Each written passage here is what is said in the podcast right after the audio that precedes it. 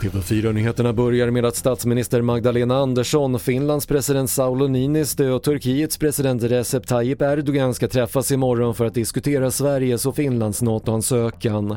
Mötet är en del av NATO-mötet som inleds i Spaniens huvudstad Madrid imorgon.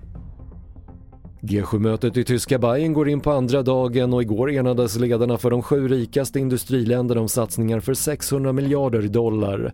Pengarna ska gå till projekt i framförallt Afrika och Asien och ses som ett sätt att motarbeta Kinas växande globala inflytande. Klockan 11 idag kommer domen mot de fyra män som åtalats för grovt blåljussabotage efter upploppen i Örebro under långfredagen. Männen ska ha kastat stenar mot polisen och några av dem ska dessutom ha filmat eller drivit på andra.